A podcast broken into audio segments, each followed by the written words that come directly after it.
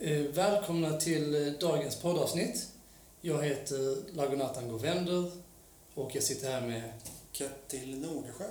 Yes. Och, eh, om jag säger något om mig själv, jag är doktorand eh, vid Linnéuniversitetet i Växjö i socialt arbete och forskar om aktivering och ekonomiskt bistånd och eh, frågor om erkännande. Eh, och, eh, vi har fått i uppdrag att ha ett poddavsnitt här idag. Vill du säga något om vad du gör? Ja, jag är eh, docent i socialt arbete på Malmö universitet, på socialt arbete också.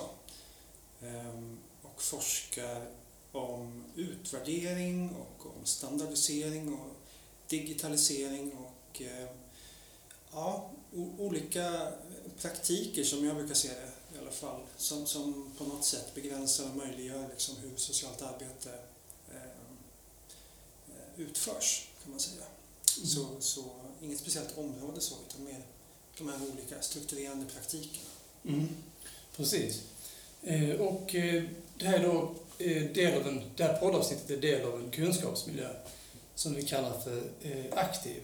Ehm, och ehm, vad handlar då den om? Den handlar om att på något sätt skapa en, en plattform där frågor om försörjning och arbetsmarknad Eh, kan diskuteras, eh, både eh, av liksom mer akademiker eller för personer som jobbar inom akademin, men också inom praktiken.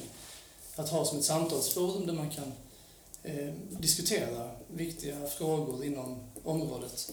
Eh, det är rätt, på ett sätt lite brett, men också lite smart, men det handlar ju om försörjning och arbetsmarknadsfrågor och eh, jag tror även validering och kompetens. mycket försörjningsstöd och kommunala arbetsmarknadsinsatser. Ehm, så, så det är liksom sammanhanget. Så det är inom ramen för den kunskapsmiljön som vi gör podden.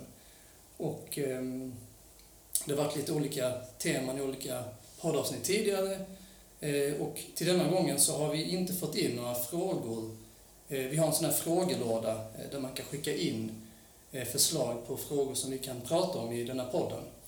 Eh, men det har inte kommit in några så vi har istället eh, skrivit eller formulerat några frågor som vi tänker kan vara intressanta att diskutera. Eh, inte bara för oss såklart, utan även för andra förhoppningsvis. Eh, så temat för dagen är eh, digitalisering inom ekonomiskt bistånd. Och eh, ja, vi kanske kastar oss direkt in i första frågan.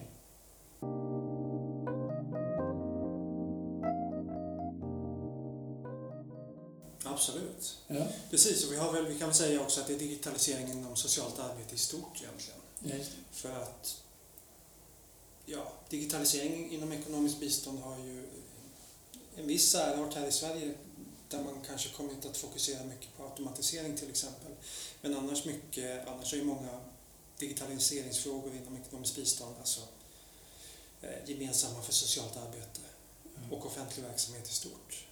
Eh, så. så vi kommer väl hålla oss kanske inom socialt arbete men också när tillfälle ges försöka gå ner lite mer på ekonomiskt bistånd och arbetsmarknad också. Ja, precis. Så att frågor om digitalisering inom ekonomiskt bistånd eh, tangerar ofta gemensamma frågor inom socialt arbete i stort. Mm. Eh, och därför pratar vi lite brett om det och gör lite nedslag inom ekonomiskt bistånd men också pratar om digitalisering i socialt arbete i allmänhet. Ja. Okej, okay, så första frågan eh, lyder då, vilka fördelar och nackdelar har digitala verktyg för relationen mellan socialarbetare och klient.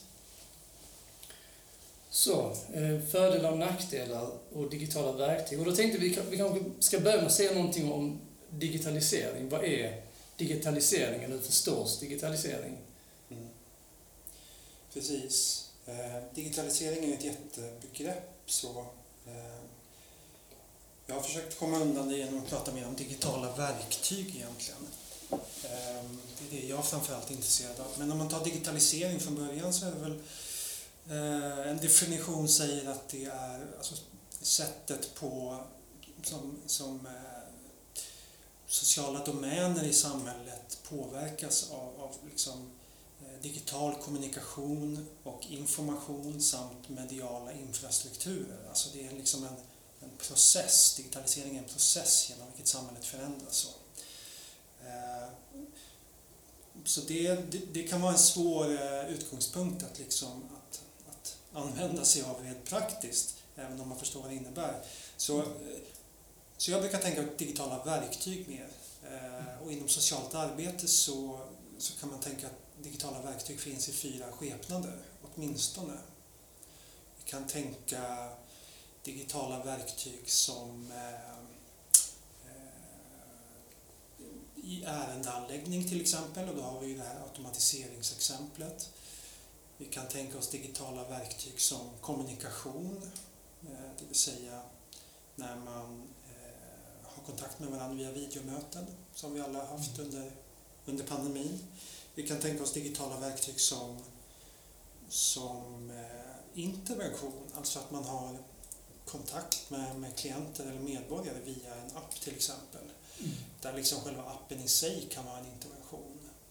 Eh, som ska, där man ska skatta sig själv eller där man ska eh, kanske kommunicera med, med, eller ta del av ett visst innehåll eller något liknande.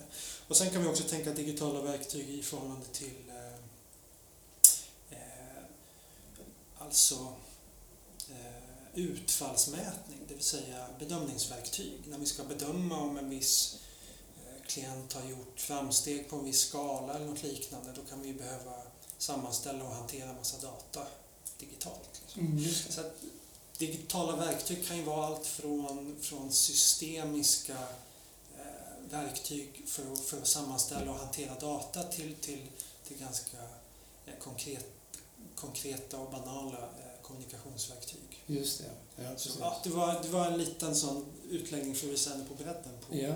på vad digitalisering och digitala verktyg är. Ja. Och det är väl en, en, en poäng man kan göra direkt att ju mer liksom institutionaliserat digitalisering blir alltså förgivettagen i våra verksamheter, inte bara socialt arbete, desto viktigare blir det ju att försöka liksom bena ut. Alltså det finns väldigt skillnad mellan digitala verktyg. Mm. Dess användning förstås och dess implikationer för eh, brukare och, och liksom, eh, om de är till fördel eller till nackdel för, för en viss eh, grupp klienter till exempel. Mm. Ja. Så tänker jag. Okej, okay, så det finns en poäng också i att göra de här vad ska man säga, differentieringar eller hålla koll på vad finns det för olika typer av verktyg, digitala verktyg då. Mm. Så att det inte bara klumpas ihop utan man kan liksom se att de har lite olika funktioner och de används på olika sätt och i olika, med olika syften och så. Precis, för, för, för den forskning som finns liksom, eh, i alla fall den, den jag tittat på nyligen där, där vi tittat på liksom digitala verktygs betydelse för relationen mellan socialarbetare och klient. Eh, då är det ganska ofta att man hamnar där i, att man, att man talar om hur digitaliseringen och digitala verktyg i stort påverkar. Liksom. Mm. Fastän det kan finnas en väldig skillnad bland olika mm. verktyg. För att inte tala om i olika kontexter och bland olika målgrupper och så vidare. Mm. Så det tänker jag eh, är bra att ha i bakhuvudet när man talar om eh, Ja, det vi skulle tala om, fördelar och nackdelar med, med olika digitala verktyg. Liksom. Ja, precis. Men ska vi då tänka på, om vi funderar över liksom något särskilt verktyg som, som är vanligt, som används och som har en stor betydelse för relationen, vad, vad kan det vara för någonting? Eh, du pratar till exempel om videomöten. Ehm, vad ska vi, om vi ser något om fördelar kring det, hur, hur kan det, vilka fördelar kan det ha för relationen? Mm. Alltså jag tänker ju det, de, de fördelar som, som lyfts fram, där liksom just videomöten och, och eh, alltså kommunikationsteknologi kan man väl kalla det i stort, då, mm. där det lyfts fram som viktigt, det är ju att för att hit, liksom, komma i kontakt med komma i kontakt med, med brukare helt enkelt. Mm. Dels brukare som kanske inte har haft kontakt med innan eller har varit svåra att nå. Det kan ju vara barn och unga Det kan vara, vara personer i glesbygd som inte liksom, tar sig in dit, till dit de offentliga myndigheterna är och så. Det är väl två ganska tydliga exempel. Mm.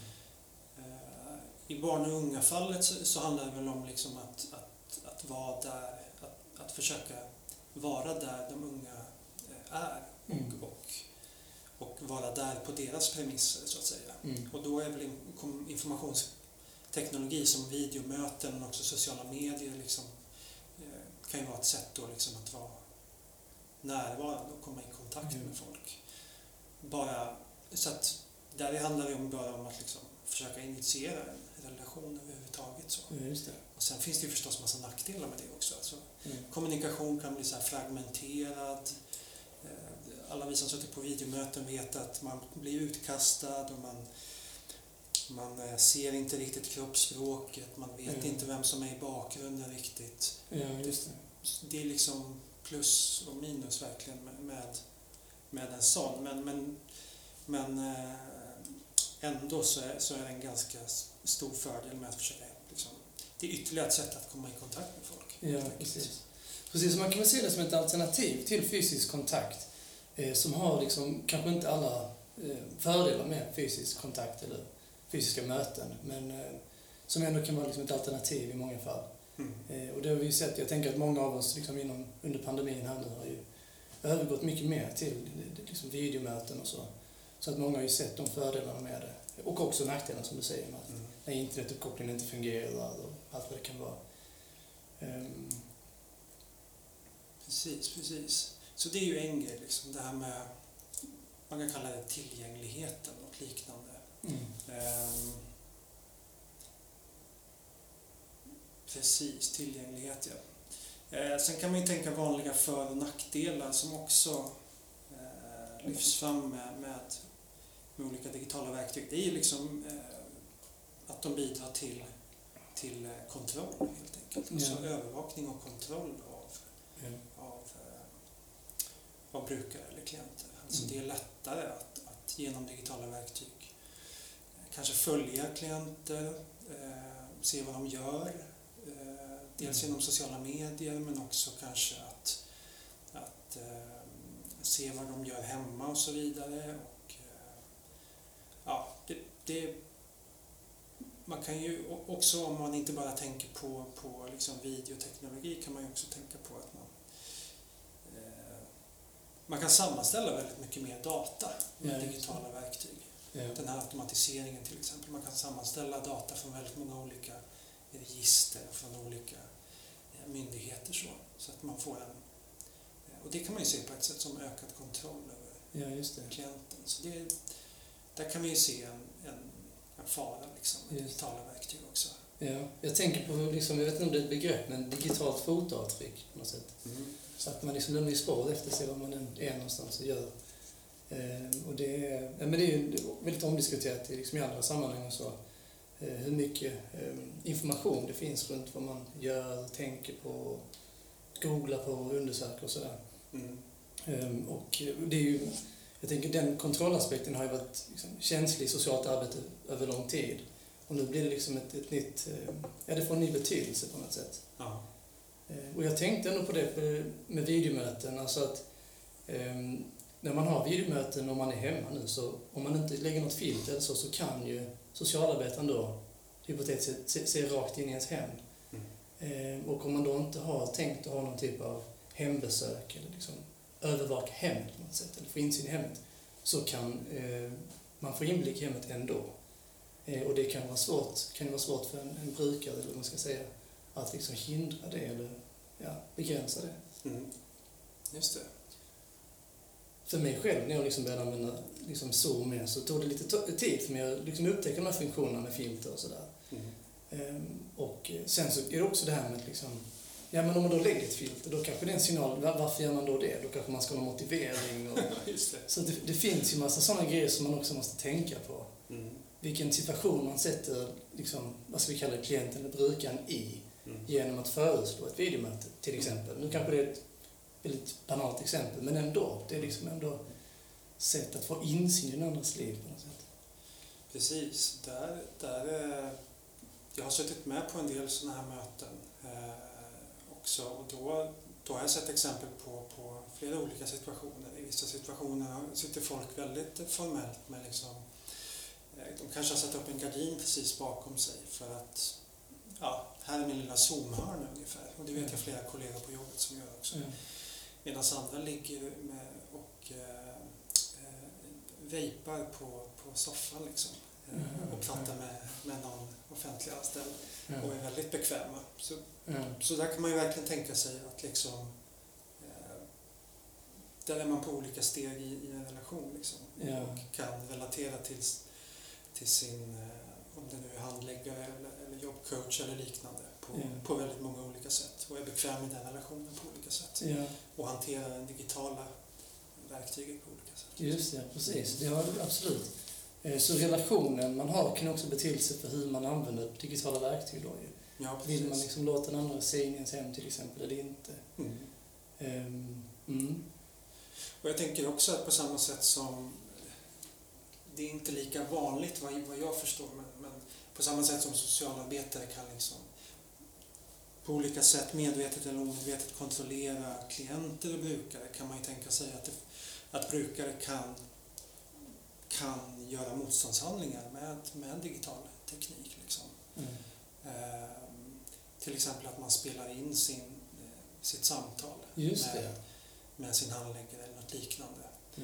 Ehm, eller att man, man tar kort eller, eller sådär. Och det, det, det är nog många som har varit med om att man hamnat på, på liksom någon sorts eh, digital sida där man inte vill vara som, som anställd. För, eller sådär. Ja. Eh, men, men att det, man får tänka kanske också att det, eh, det är ett litet maktutrymme som, som eh, brukaren eller klienten har Just i den det. relationen. Ja. Så att man kan tänka sig att det, finns en, det kan finnas en övervakning på bägge hållen så att säga Absolut. i en relation. Samtidigt som då det finns ett makt, en maktobalans. Ehm, där, för jag tänkte också på det när du sa det om att olika kollegor eh, som du har kan eh, liksom vara olika bekväma med att låta andra se hemmiljö och sådana Mm. saker, vad man gör hemma. Ehm, och då tänker jag också, men det kan också handla om hur trygg man är i sin position på en organisation. Mm. Eh, någon som är väldigt liksom, etablerad på en organisation som jobbat där länge och så kanske är tryggare och känner sig liksom mindre hotad medan någon som är ny kanske kan vara mer osäker. Liksom. Mm. Och så tänker jag också i den här liksom, socialarbetar-klientrelationen eh, så kan det mycket väl vara så att om en klient då har, är mottagare av en insats eller ansöker om en insats då är ju den i ett läge där den kanske är mycket mer mån om vilka sidor man visar upp för att Mm. inte liksom förlora insatser. Absolut. Absolut. Där kan jag bara tänka på en studie vi gjorde för, för länge sedan som inte handlade om digitalisering men där vi intervjuade klienter inom, inom ekonomiskt bistånd som ju berättade där vi frågade dem om, om liksom vad, vad de tyckte om möten med eh, att bli utsatta för sådana här standardiserade bedömningsinstrument där, som, ska, som ska hjälpa till att utreda rätten till ekonomiskt bistånd. Mm. Där de var ganska tydliga med att det, det de försökte göra var att svara rätt på frågorna.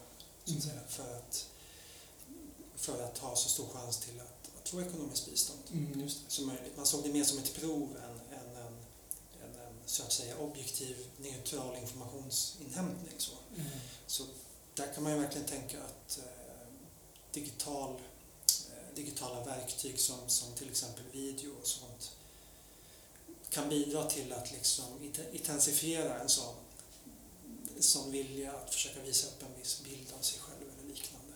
Ja. Det kan jag tänka mig. Just om man ska spekulera lite. ja, precis. Jag tänker, jag minns inte om det är Sune Sunesson, en, en professor i socialt arbete så lång tid tillbaka, om det var hans eh, metafor, det var, men, men det här mötet med klient och socialarbetare har beskrivits som en dans. Mm. Ehm, och ibland en dans med förutbestämda steg. Och då kan vi tänka, ställa frågan, hur blir den dansen över liksom ett, ett videomöte eller med digitala verktyg istället? Eh, det blir ju, som du sa, det, till exempel det här med kroppsspråk, kan, är svårare att läsa av. Mm. Då blir det liksom en annan typ av dans, en annan typ av interaktion. Mm, just det. Så att eh, det, det förändras ju, det blir ju Mm. mycket som blir annorlunda. Ja. Ehm. Precis, man kan väl säga något också om det då ehm, att just om man tittar på då relationen mellan socialarbetare och klient så har ju mycket av den forskningen som jag tänker mig, den, den har ju haft sådana ehm, relationella utgångspunkter förstås, men det, alltså utgångspunkterna har varit att titta mycket på kommunikation och interaktion eh, mellan människor mycket. Mm.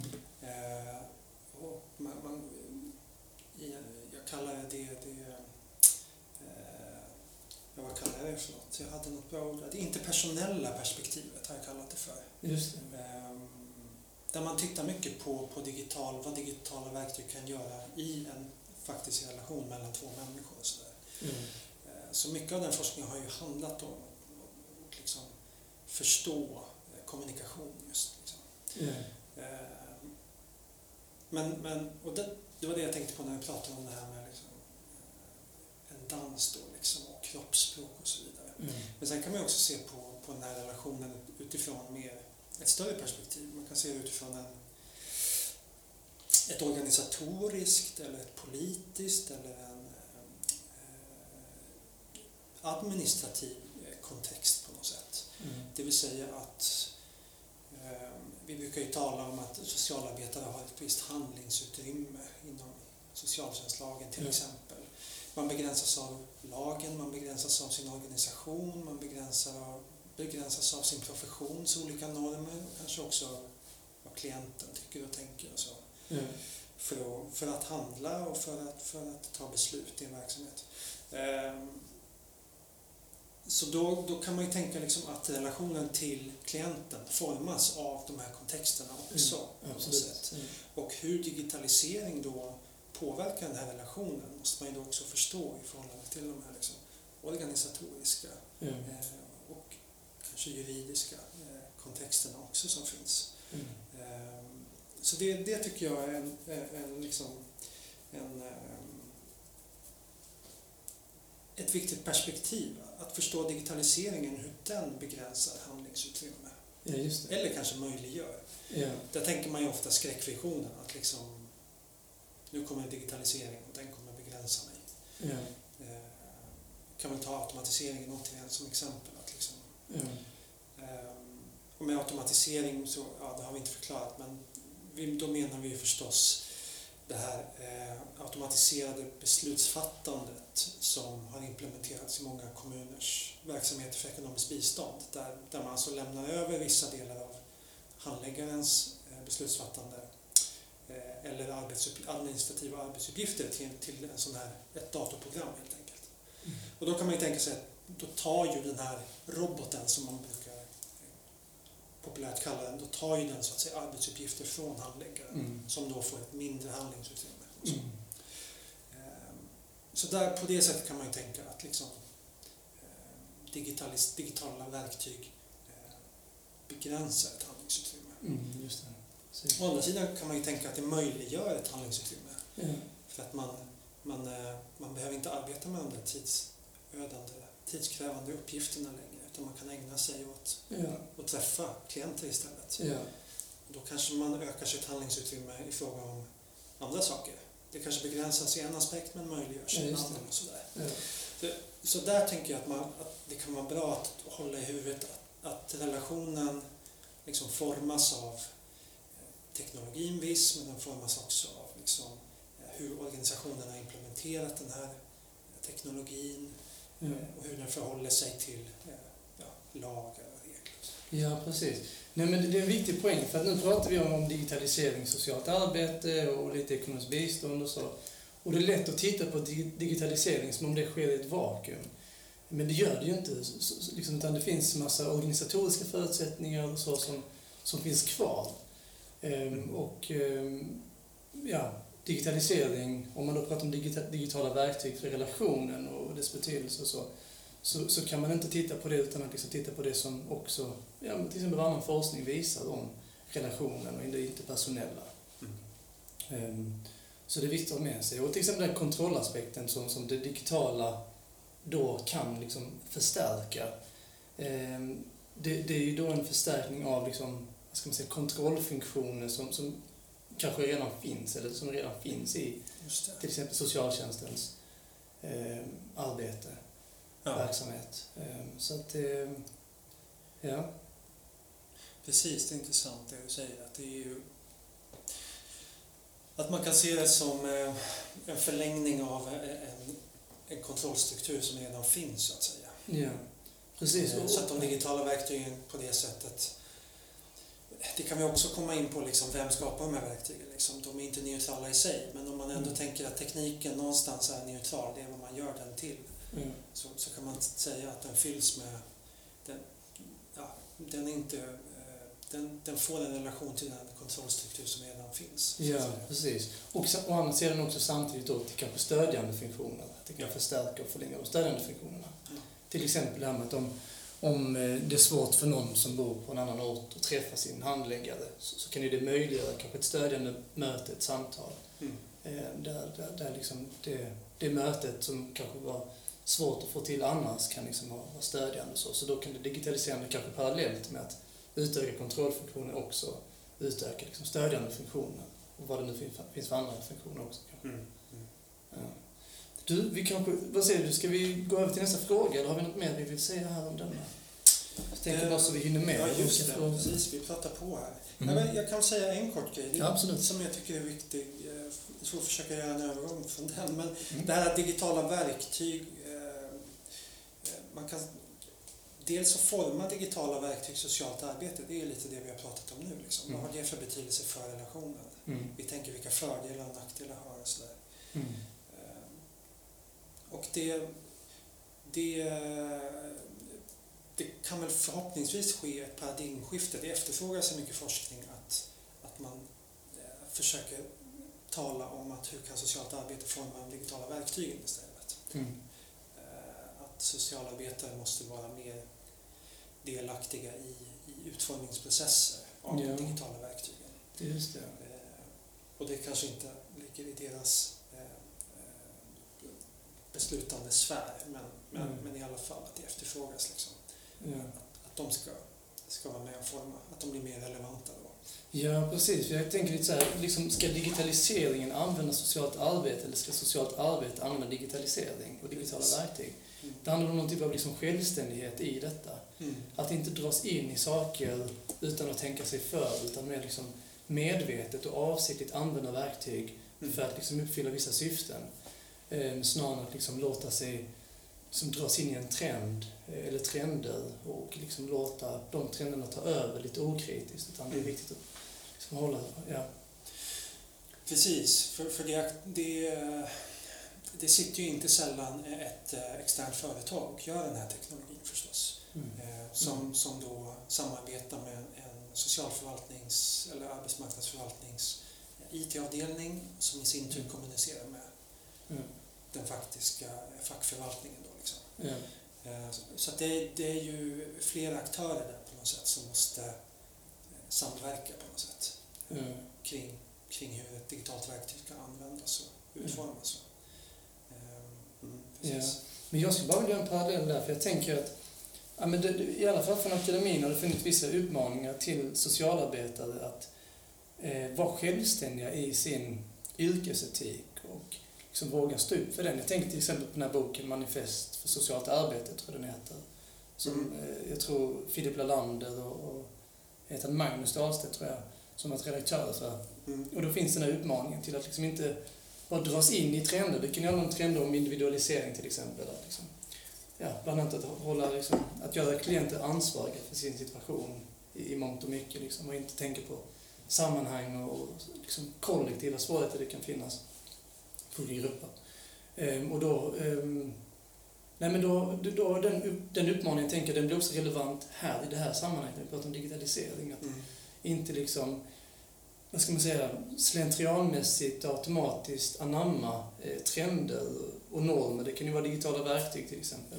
Utan att liksom självständigt reflektera över dem och vad de innebär för möjligheter och hinder och konsekvenser och fördelar och så. Utan eh, mer, liksom, ja, mer medvetet på något sätt, att, eh, genomtänkt och reflekterat använda dem Just det, och förhålla sig till dem. Mm. Som, som en självständig profession liksom. precis. Snarare än kanske, ja, det här är det nya på min organisation, så då ska vi köra på det. Liksom. Utan Mm. våga stå upp för vad som, är, vad som anses vara bra och dåligt. Liksom. Precis, precis. Bra eller dåligt kanske man ska säga. Ja. Eller bra. Och det där det kanske vi kan komma tillbaks till liksom med pandemin då, liksom hur... Det du säger där, det låter ju som en eh, kritisk reflektionsprocess man måste ha då, liksom, Mm. eh, kring vilka trender man ställs inför. Mm. Eh, Men, i, men eh, under våren 2020 så var det många som fick ställa om ganska snabbt till ett mer digitalt arbetssätt liksom, Mm. gentemot mot klienter och brukare.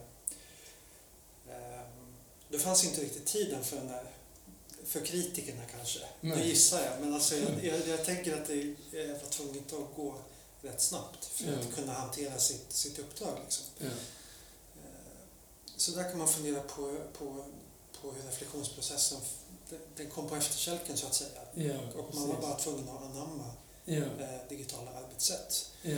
Och, eh, den kanske kommer senare i det fallet. Ja, och, och organisationen måste också skapa förutsättningar. Och det, du sa att det var svårt i, i liksom pandemin, men, eh, och är svårt i pandemin, men ja, det blir, det blir också frågor om, man får ställa frågor om vad det finns för förutsättningar för kritisk reflektion Mm. i verksamheter. Precis. Så ja. Men bra. Ehm, Ska vi gå över till nästa fråga? Ja, det tycker jag. Och den lyder, vilka etiska problem i relationen mellan socialarbetare och klient uppstår till följd av digitalisering? Och frågan är kanske inte helt väsensskild från den tidigare. Eh, Vi har bland annat varit inne på det här med kontroll. Eh, Att det kan bli liksom ett etiskt problem i att eh, klienter då kan utsättas för en kontroll genom användning av digitala verktyg. Ja. Ja, men precis. Ehm, mycket forskning har ju handlat om liksom hur man, hur man eh, efter, gör efterforskningar på sociala medier och så vidare. Mm. Ehm, men också det här med informell användning, att man, man eh, eh, kommunicerar kanske med brukare utanför arbetstid och till sina privata telefoner och så vidare. Eh, kanske på sin eget förslag, kanske på klientens förslag eh, och så vidare. Och huruvida det liksom eh, huruvida det är lämpligt eller inte och vilka effekter det, det får. Kanske i ett arbetsmiljöperspektiv men också för, för klienten. Liksom. Eh, precis. Mm. Men annars tror jag mycket liksom av den forskning kring, kring etik vad gäller digitalisering och relationer det har mycket handlat också om hur, alltså frånvaron av eh, etiska riktlinjer och normer för socialarbetare Mm. eh, när det kommer till digitalisering. Mhm, Jag just kollade faktiskt precis innan det här på, på, på Akademikerförbundets eh, etiska koder. Och, och nu kanske de har en särskild uppsättning koder för, som har med digitalisering att göra som jag inte känner till. Men, men jag hittade i alla fall inget om digitalisering just i Mm. den. Det kan ju göra med att liksom, man tänker att etiska normer för socialarbetare, det vill säga hur man ska handla eh, riktigt och hur- när handlar man rätt och fel och så vidare. Att det tänker man att det, det är oavsett liksom kontext och det Mm. gäller i det digitala landskapet också så. Mm. Men jag tror samtidigt att, att, eh, att ju mer vi arbetar med digitala verktyg desto mer kommer det efterfrågas hur man, liksom, Mm. eh, hur man ska bete sig. Vad som är, Ja, en diskussion kring vad som är lämpligt och olämpligt. Ja. precis. Det, ja, precis. Det ställer ju kanske specifika krav på att man liksom reser vissa frågor, etiska frågor och bestämmer sig för hur man ska hantera dem eller utforma principer kring det. Precis, precis. Bara det här med videomöten men också sociala medier, hur man gör efterforskningar. Och, Ja. eh, ja. Så att mycket forskning tror jag har handlat om det, liksom, eh, att man försöker att man, eh, i andra länder i alla fall, eh, försöker få fram sådana såna mer riktlinjer och, Ja. och koder, uppförandekodex eller vad man ska kalla det. ja, just det. Ehm, precis. Ja. Eh, Och ganska lite forskning har handlat just om liksom den här maktrelationen egentligen mellan klienter och professionella som ju faktiskt finns. Vi var inne på det innan. Liksom. Ja. Att man kan se klienters eh, inspelningar eller eh, fototagningar eh, som en viss sorts motståndshandling av något slag. Eh, men, men det är ganska lite forskning som, som har undersökt de frågorna. Eh, Tyvärr kan jag tycka. Jag tycker det, det, det är väldigt intressant och, och relevant liksom hur digitaliseringen... Om man tänker sig att digitalisering kan nå nya grupper och eh, göra välfärd mer tillgänglig. Ja. Innebär det att liksom relationen blir, eh, har förutsättningar för att bli mer eh, liksom balanserad? Eller, eller är, är det fortfarande Ja. så att säga en, ett möte på den professionelles premisser. Ja, just det. Mm. Precis. Det är liksom hur, hur, hur påverkas den här maktrelationen av digitala verktyg? Mm. Kan det i vissa lägen kanske förstärka maktrelationen, maktojämlikheten och i andra Mm. lägen kanske balansera upp den lite eller göra den mer liksom, inte, hanterbar på något sätt? Ja, precis. För ett syfte med, med mycket digitalisering, nu använder jag digitalisering som, som ord, men liksom med många digitala verktyg är ju att liksom, eh, apropå populära ord, egenmakt, liksom, Mm. Empowerment, att, att stärka individen, Mm. att få den personen att ta kontroll över sin situation har man talat om, och att, att man ska ta kontroll över sin egen ansökan till exempel. Mm. På det sätt.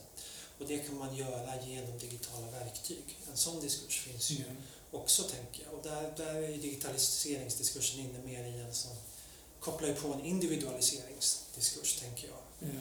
Där, där digi, digitala verktyg blir verktyg för liksom, just egen makt. Så. ja, just det. Ehm, Precis, någonting jag tänker på som är lite knepigt. Jag tänkte, tidigare så pratade vi om det här med att socialarbetare som profession kan behöva utforma riktlinjer, etiska riktlinjer Mm. kring hur man ska agera som profession. Men, men brukare då? Jag märker att jag växlar mellan brukare och individ och en klient. Jag använder mycket ord. också. Ja, det är svår, svårt med ord, vilket man, vad man ska säga. Men personer, klienter kan vi säga. Hur... eh, Alltså där finns det ju inte någon liksom, en organiserad grupp eller en organisation som kan utforma någon typ av riktlinjer som kan liksom hjälpa klien, enskilda klienter att hantera det digitala.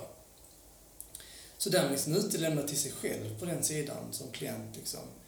Eh, och då kan jag tänka att ehm, då, då får den enskilde inte liksom lika mycket eh, stöd i att hantera det digitala och överleva med det digitala Mm. och också hantera maktobalansen, så, maktobalansen då, så, som eh, socialarbetare som profession kan, eller som verksamhet kanske. Mm. Ehm, så att, Man är ett kollektiv kontra en individ. Precis, precis. det. och då, då tänker jag att det förstärker en maktobalans. Ja. När liksom den liksom socialarbetare som grupp eh, har liksom en möjlighet att kollektivt tillsammans utveckla bra strategier och taktiker. Liksom. Mm. Eh, Medan klienter är liksom utelämnade till sig själva för att veta hur man ska hantera eh, det digitala och maktbalansen, maktobalansen genom det di- digitala. Eller. Precis, precis. Ja. Men det finns, det finns väl en hel del i- ideella organisationer förstås som, som tar, som, om man säger företräder, men som, som eh, eh, tar, viss, ja, men tar vissa klientgruppers intressen, tänker jag. Mm. Men det skulle vara intressant att titta på hur, hur de arbetar med di- digitaliserings Ja. tillgänglighetsfrågor. Eh, Ja. Det vet jag faktiskt väldigt lite om. Nej, jag Det är en intressant fråga. Ja, absolut. Mm. Ehm, Precis, och det tror jag, det, det kan jag säga apropå etik också, att eh, i den forskning vi tittade på när vi gjorde en kunskapsöversikt om relationen och digitalisering, eh, att det, det var nästan ingen som egentligen frågade vad klienterna tyckte mm. när man undersökte etiska frågeställningar i, i relationen. Mhm. Eh, Utan det handlade, som jag sa lite inledningsvis, det, handlade, det kom ofta tillbaks till professionen. Hur ska vi handla för att arbeta på ett etiskt riktigt sätt Ja, och så vidare. Vi behöver riktlinjer och så vidare. ja. Men ingen egentligen ställer frågor till, till klienter. Hur liksom, Nej. eh, huruvida de, jag vet inte, det finns en mängd olika forskningsfrågor. Hur, hur uppfattar man, hur uppfattar man eh, mötet som mer balanserat, balanserat fel ord, men mer eh, jämlikt eller. Eh, upplever man att man får en relation, en bättre relation, en sämre relation och så vidare. Ja. Men vad spännande. Du, Ketil, ju mer vi pratar om det här så, så tänker jag mer och mer att liksom gamla frågor inom socialt arbete liksom kommer igen här i den digitala diskussionen. Alltså att det digitala eh, väcker ju också mycket frågor som har varit liksom pågående långt innan man, pratar, man började prata om digitalisering. Det här med liksom makt och jämlikhet och brukarinflytande. Mm. Ehm, så att det är nog någonting, det är också, det, det, också, det knyter an till den här poängen som vi gjorde innan att man, man kanske inte ska titta på det digitala som någonting isolerat och som någonting som sker i ett vakuum utan eh, frågan om digitalisering i socialt arbete eh, handlar ju mycket om andra frågor i socialt arbete, eller andra kärnfrågor i, i socialt arbete. Mm.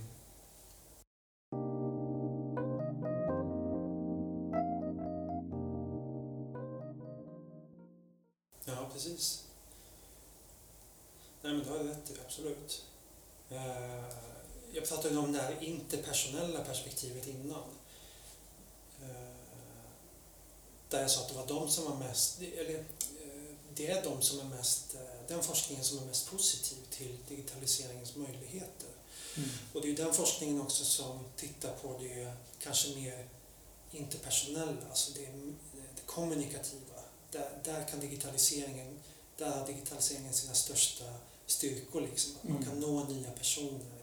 Mm. Eh, Medan det här kanske mer kontextuella perspektivet där man drar in organisationen och man ser digitaliseringen som en extern policy som kommer och ska liksom begränsa socialarbetarens handlingsutrymme. Den är kanske mer kritisk till digitala verktyg. Mm, just det. Eh, Så jag menar det, det är också en parallell till väldigt mycket annan forskning i socialt arbete. Där, Mm. man, eh, där liksom allt som förbättrar mötet blir ju någonting eh, man kan dra nytta av, som man vill stödja på något sätt. Mm. Medan allting som eh, policies som på något sätt begränsar och som eh, allt för mycket strukturerar upp vad en, vad en socialarbetare får och inte får göra brukar, Mm. brukar möta mer kritik. Liksom. Mm. Så att digitaliseringsforskningen på något sätt är en spegling av resten av Ja, det sociala arbetet, det håller jag med om. ja, just det. Ja, precis. Ja. Ehm, precis, men det, något viktigt där blir ju, alltså när de här, liksom en gammal fråga som brukarinflytande åter aktualiseras i den här frågan om digitalisering, eh, då tänker jag att det blir också viktigt att, att brukare eller klienter då får möjlighet att eh, påverka liksom, dig, användningen av digitala verktyg. Mm. Får, man, får man frågan om att man kan ha liksom, till exempel ett videomöte eller inte, får man möjlighet att, liksom, när man kanske ska ansöka om en insats mer digitalt, får man möjligheten att liksom, komma till verksamheten, socialtjänsten, och göra det liksom, pappersvariantsvägen. Liksom. Eh, eller hur, hur är det? Finns det liksom de här finns en öppenhet kring hur mycket och när och hur man ska använda digitala verktyg så att det finns en flexibilitet och brukar ha någon typ av talan i det? Eller är det mer att man, man implementerar en massa verktyg och sen så är det det man kör på? Så det, det tycker jag man bör fundera på. Ja, men absolut. Så det är nog väldigt olika alltså, hur man gör. Jag tror många är i en övergångsfas liksom. Mm. Man försöker gå från liksom, mer manuella sätt till, till digitala arbetssätt. Mm. Och man försöker plocka de bra delarna på något sätt som funkar för just den kommunen. Mm. Eh, Nu har jag inget bra exempel, men, men rent implementeringsmässigt kan jag tänka att det är en bra idé. Mm. Att liksom testa olika mindre saker i liten skala. Än att bara köra på med en ångvält och bara förändra allting på en gång. Mm. Det resulterar ju ofta i, i olika problem. Liksom. ja, precis. Ehm, så... Precis, nu tappade jag din fråga lite. Men, men, men frågan var ju det här med... Eh, nej men, jag bara... Just det, om man kunde välja liksom, om, om brukarna kunde på något sätt, om det fanns en Ja. öppenhet för deras behov. Ja, Så precis. Och om de har Ja. möjlighet att påverka liksom, användningen av digitala Ja, verktyg. Liksom. Ehm, Vette tusan. Det, det är Mm. möjligt. Det, det kanske finns sådana exempel. Annars tror jag man utgår mycket från verksamheten. Faktiskt. ja, Liksom jag kan vad, också misstänka det. vad, eh, hur, hur kan man eh, möjliggöra ett, ett, ett effektivt socialt arbete? Nu kanske, jag har suttit och läst mycket om automatisering senaste dagarna. Jag kanske har det lite i bakhuvudet. Ja. Där, där ju effektivisering är ett viktigt argument för att Ja.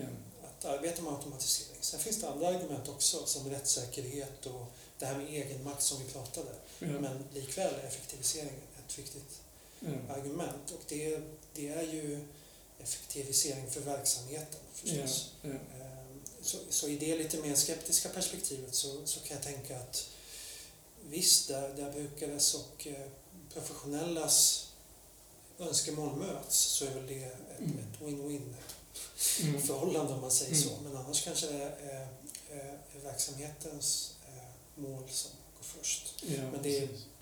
En jättegeneralisering, svårt att säga ja, förstås. Men. Det är, men det är, det det liksom, jag skulle säga att det är det viktigaste att liksom ställa frågan om jag funderar över det. Eller ja, funderar över det. För jag tänker också, alltså, i vår roll som forskare, så jag tänker att ofta när vi forskar om, om, om nutida trender, vad som pågår nu, eller vad Ja. som verkar nytt och fräscht nu, så, så vänder vi oss inte sällan till historien för att förstå nutiden också. Ehm, och då tänker jag på de här, ehm, nej men alltså mycket av de här frågorna med brukarinflytande, är ju liksom, ja men det finns ju mycket forskning som under lång tid har visat att det, det är någonting eh, som ofta har haltat, alltså brukarinflytandet, att man har sett att eh, brukare i många olika sammanhang, i många olika verksamheter ehm, skulle behöva ha ett, liksom ett större inflytande, en större, en, en större talan. Liksom. mm. Ehm, och det tänker jag, ja, det blir också ehm, väldigt aktuellt nu i den här, liksom, när man diskuterar det digitala. Ehm, och jag tänker, det här vi pratar om, man kanske kan kalla för en viss teknologioptimism. Jag tror det var du som har sagt det tidigare i något sammanhang. Ehm, att när man liksom springer, att det är lätt att springa på nya bollar så att säga. Man, man går med nya trender och så inte, inte liksom tar med sig historien på något sätt. Vad, Mm. vad, vad, hur, vad har det funnits för liksom kärnfrågor i socialt arbete sedan tidigare? Kring det interpersonella till exempel. Mm. Ehm, som då också behöver funderas över och ehm, tas hänsyn till när det gäller liksom etiska problem och så i nutid och Ja, i framtid. just det. Ja. Nej, men teknikoptimism är ju... Så det har väl flera orsaker på något sätt, tänker jag. Alltså dels är väl det här att, att eh, det sociala arbetets organisationer måste, de måste återspegla och anpassa sig till samhällets liksom, normer och Ja. värderingar. Om Ja. vad som är modernt och vad som är liksom, eh, lämpligt och ses som bra arbetssätt. Mm. För att det ofta är väldigt svårt att, att vetenskapligt bevisa vad, vad en effektiv eh, vad ett effektivt ekonomiskt bistånd eller eh, aktiveringsverksamhet är för något. Liksom. Ja. Och hur man mäter det. Så man måste liksom visa att man arbetar på ett modernt och riktigt sätt. Liksom. Ja. Så att man måste hoppa på ganska mycket Ja. bollar. Liksom. Ja, Ehm, är det så. och sen är väl det här vanliga modernitetstänket att man vill förbättra samhället genom teknologi och förbättra samhället genom nya idéer. Mm. Att det finns något konstruktivt och positivt i det. Liksom. Mm. Mm. Eh, Så. Så det är både det där att anpassa sig men också den här moderni- moderniteten. Ja. Där vi fortfarande ser på teknologi som väldigt, eh, Ja. något som kan förbättra. I alla fall Ja. känns som socialt arbete är inne i det. Att, att man liksom undersöker hela tiden hur, hur, hur man kan förbättra och dra nytta av ny teknologi. Liksom. Ja, precis. Och jag tänker också att det handlar om den här, vad ska man kalla det, den här tudelade lojaliteten som socialarbetare har mot, liksom, dels mot staten men också mot den enskilde. Mm. Att man är däremellan på något sätt. En, liksom, en verksamhet som socialtjänsten ska tillgodose både liksom, eh, de behov som samhället har, eller staten har, Mm. eh, och sen också den enskilde liksom, individens. Eh, Och att det inte alltid drar jämnt så att säga, utan det är ibland att det ena eller det andra får företräde. Liksom. Men Mm. risken som, som jag ser som mest central här är ju att den enskildes liksom, behov hamnar i, hamnar i, kommer i andra hand. Liksom. Precis. Mm. Har vi något mer vi ser där eller annars så kan vi gå vidare till den tredje och sista frågan. Nej, jag tycker vi kan gå vidare. Ja, då gör vi det. Då kommer vi kanske till den, som, en fråga som vi också varit inne på lite såklart. Men, men den kanske mest högaktuella frågan då, hur har covid-19 påverkat användningen av digitala verktyg i relationen mellan socialarbetare och klient? Just det. Mm. Så det kanske mest uppenbara man kan se är att den här, det har skett liksom en expansion kan man tänka sig av användningen av digitala verktyg. Mm. Att det blivit mycket mer vanligt att använda det på olika sätt. Mm. Eh, Och också som vi var inne på kan man tänka sig att, att den eh, ökade användningen säkert ofta har skett eh, utan möjligheter för vidare eftertanke och eh, reflektion kring vad det innebär utan man har liksom behövt ställa om väldigt, väldigt fort. Precis. Eh, ja, och då... Eh, jag och en kollega har gjort en enkätstudie kring det här som vi sitter och jobbar med nu. Men där kan vi ju se att, att eh, ja, precis det du säger, att, att man, det gick från 0 till 100 som de beskriver det, där våren 2020. Mm. Man tvingades lära sig det här, eh, kanske på egen hand. Mm. Alla var tvungna att lära sig det, inte bara de som var intresserade. Mm. Eh, många, majoriteten, blev mer positiva liksom, till, till eh, majoriteten blev mer positiva till, eh, vad säger man, till teknologin Ja. genom att använda den så. ja, just det. Eh, Men samtidigt som det fanns en större optimism och, och ett större användning så, så var det väldigt eh, tudelat beroende på om man tyckte att just det här vi pratat om nu, om relationen, liksom, Ja. förbättrades eller försämrades. Eh, Så det, det är något vi försöker gräva djupare i. Liksom. Ja. Alltså vad... Eh, å ena sidan har man de svaren som sagt det här vi var inne på nu, vi kan nå andra människor. Vi behöver Mm. inte åka fyra timmar för att träffa den här personen och träffa hen tio minuter liksom. Utan vi gör det här när det passar både klienten och, och mig. Liksom. Ja. Att det är en relationsförbättring i sig, att man respekterar varandras tid och Ja. eh, utrymme och så vidare. Å andra sidan så finns det här andra att, att eh, och det är mycket videomöten ska jag väl säga som, som, som jag tror att de här svaren är inne på.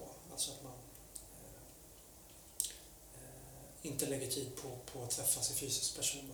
Mm. Eh, Men, men att de videomötena leder till att man, man eh, en försämrad relation, en försämrad kommunikation då, Ja. i första ledet. Eh, Och att man på, inte alla arbetsplatser har kanske haft den bästa liksom, organisationen för att hantera den här övergången.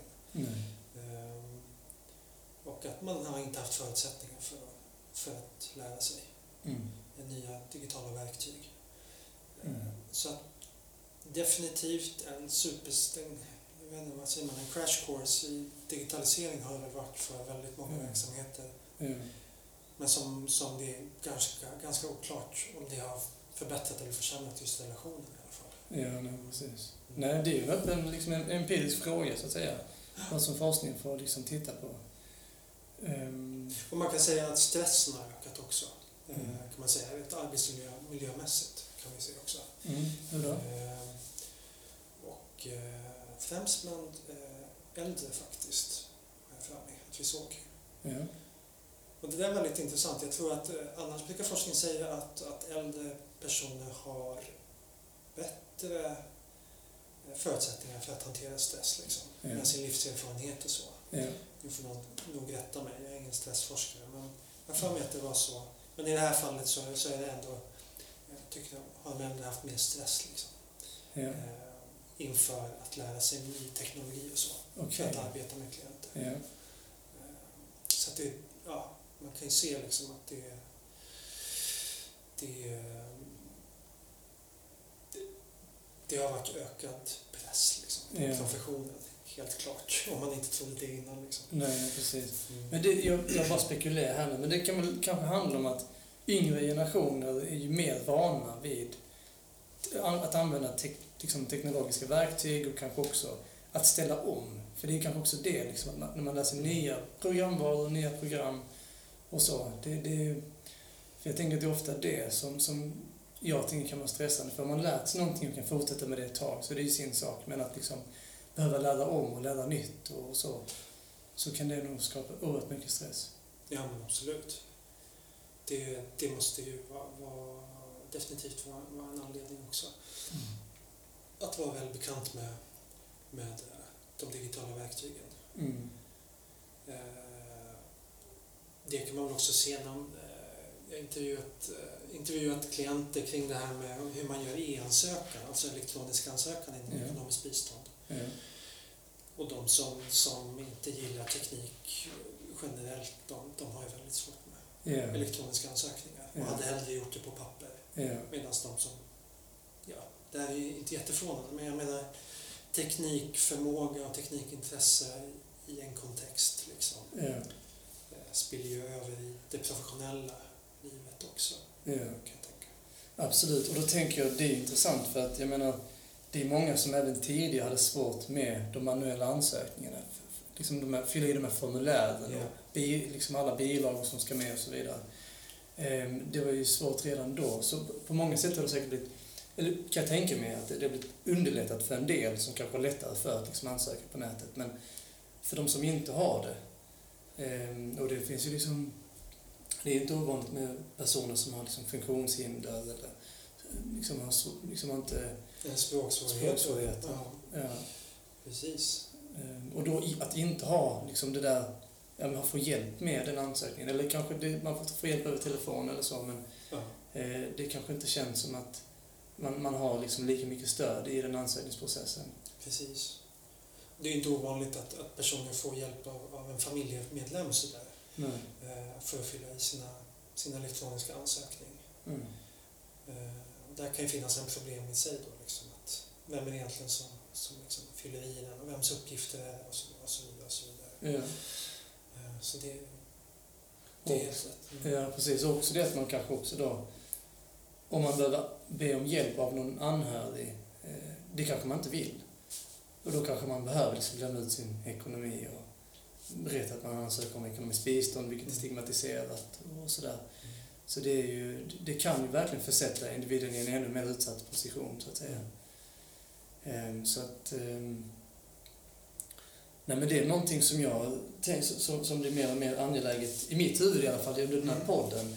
Det är det här med att ehm, också fundera över farhågorna och risker med, med digitala verktyg och inte minst för, för klienten. Liksom. Ehm, vad, vad kan det innebära? Ehm, för att jag tror på något sätt, det här med teknikoptimism, att vi lever i en tid som är så himla, ehm, vad ska man säga, upptagen med liksom, teknologiska lösningar och också med en enorm, ett enormt förtroende för teknologiska lösningar. Ehm, Att eh, det är lätt att inte liksom stanna upp och reflektera och fundera över liksom, på vilket sätt är det här digitala verktyget bra för vem och när och så. Mm. Jag tror det är väldigt lätt att automatiskt utgå ifrån, eh, alltså liksom anamma det och utgå ifrån att det, det är någonting bra, att det är någonting bättre än tidigare. Och det är det säkert på många sätt, det, betvivlar jag inte, men man, man behöver ju också vara vaksam på att det kanske inte alltid är det, och när är det inte det, och vad finns för alternativ och så. Precis. Och hur gör man då? Liksom? Jag vet inte. Ja, Eh, kompetensutveckling helt enkelt kanske. ja hur menar du? Ja, för att hantera de, de frågorna du lyfter där liksom. Ja. ehm, eh, måste det väl dels in på professionell nivå i någon Ja. form. Måste man kunna prata om de här frågorna och lyfta dem. Ja, Dels kanske på, på, i vår egen miljö. Jag tror inte vi har något digitaliseringsinslag på hela vår socionomutbildning i alla fall. nej, nej. Eh, inte vad jag känner till i alla fall. nej, inte jag känner inte till något heller. Där skulle man ju på en eh, etikkurs till exempel kunna, kunna lyfta, eller en professions och etikkurs kunna lyfta digitalisering. Ja, Den absolut. digitala sfären eller något liknande. Ja, Ehm, Så, så det ska väl in, det, det är frågor som kan diskuteras dels akademiskt men också eh, professionellt tänker jag. mm. Eh, Det tycker jag är en utmärkt idé. mm. Alltså jag tänker också, ja men så, som kurser, som uppdragsutbildningar för, för, för socialarbetare ute i praktiken som vill vidareutbilda sig. Mm. Ja men man, man kanske är bekant med, med hur man använder digitala verktyg i sitt arbete, men ehm, en kurs eller flera kurser för att kunna reflektera. Liksom, vad- vad, vad kan det finnas för etiska dilemman som kan väckas av det och hur kan man hantera dem och så. Mm. Eh, Det tycker jag är en väldigt liksom, viktig diskussion Mm. att ha. Och, och möjligheter, att det ges möjligheter för att ha de diskussionerna. Precis. Ja, då har vi ett uppslag där. Ja. Men jag tänker också, jag har inte sett det så mycket heller i... Jag tänker också alltså studentuppsatser på kandidat och masternivå. Mm. Det vet jag inte heller om hur, hur mycket de också intresserar sig för, fråga, för digitalisering som fråga, undersökningsfråga. Liksom. Precis. Ja, det är en bra fråga. Jag, får ju ofta, jag handleder ofta uppsatser på socionomutbildningen eh, inom mina eh, områden då förstås, eh, om det går. Det är mycket uppsatser om lean Mm. och eh, eh, ibland uppsatser om med utvärdering och granskning och sånt. Men Mm. digitalisering har jag nog bara fått en, en eller ett par gånger Ja, faktiskt. okej. Jag vet inte vad det beror på eh, faktiskt. Nej, Om det är studenterna som inte tycker det är så roligt eller om det är eh, just här i Malmö. Jag vet faktiskt inte. Ja, nej. Jag vet inte Nej. hur det ser ut hos er. Nej, jag kan inte minnas... eh, eh, Jag kan inte dra mig till minnas att jag sett någon uppsats om, om, om digitalisering. Ehm, Men ja, det kanske kommer. Jag Mm. tänker att eh, det... Nej, men det, det är högaktuellt och det blir ju mer och mer... eh, Jag tänker också med pandemin nu.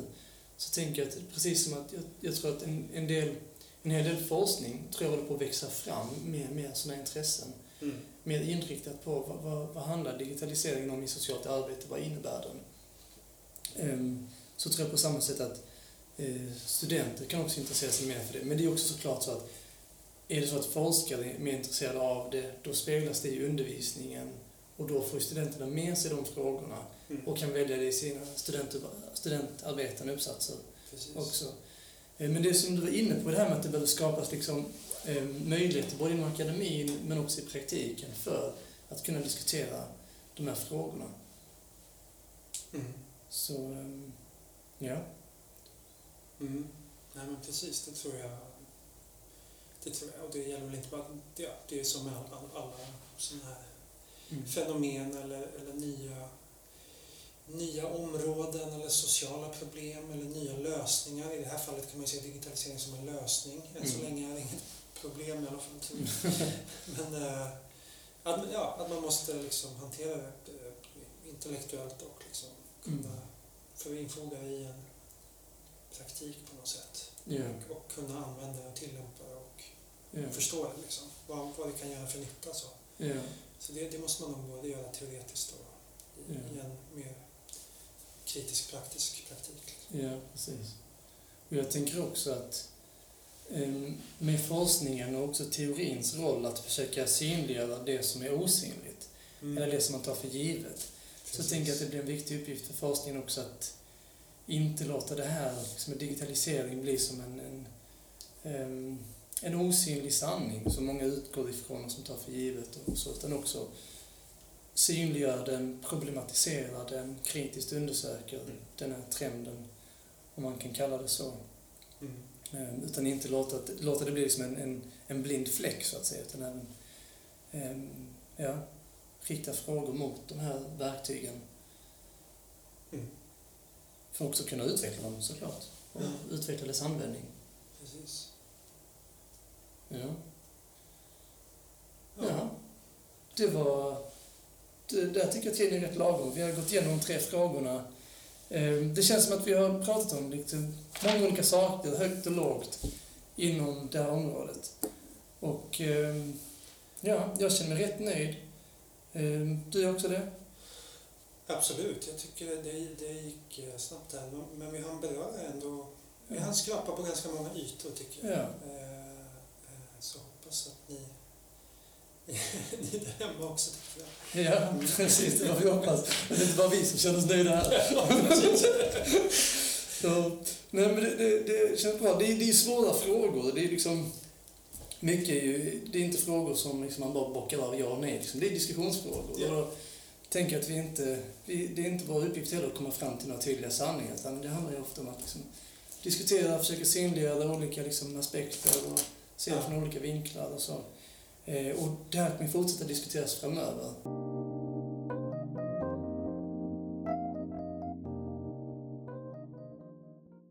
Eh, och sen så kan vi också uppmana till att eh, vi välkomnar ju nya frågor till den här frågelådan.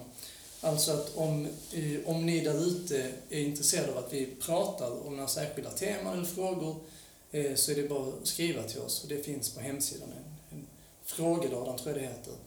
Eh, och det kan gärna vara så att det finns någon fundering som har väckts i det här samtalet kring digitalisering. Och då välkomnar vi också den typen av frågor.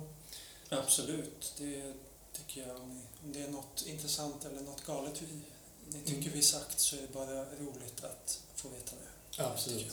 Absolut. Fint, men då avrundar vi det här poddavsnittet och tackar så mycket för eh, tackar så mycket er som har lyssnat. Och eh, vi syns igen. Tack och hej. Tack, tack.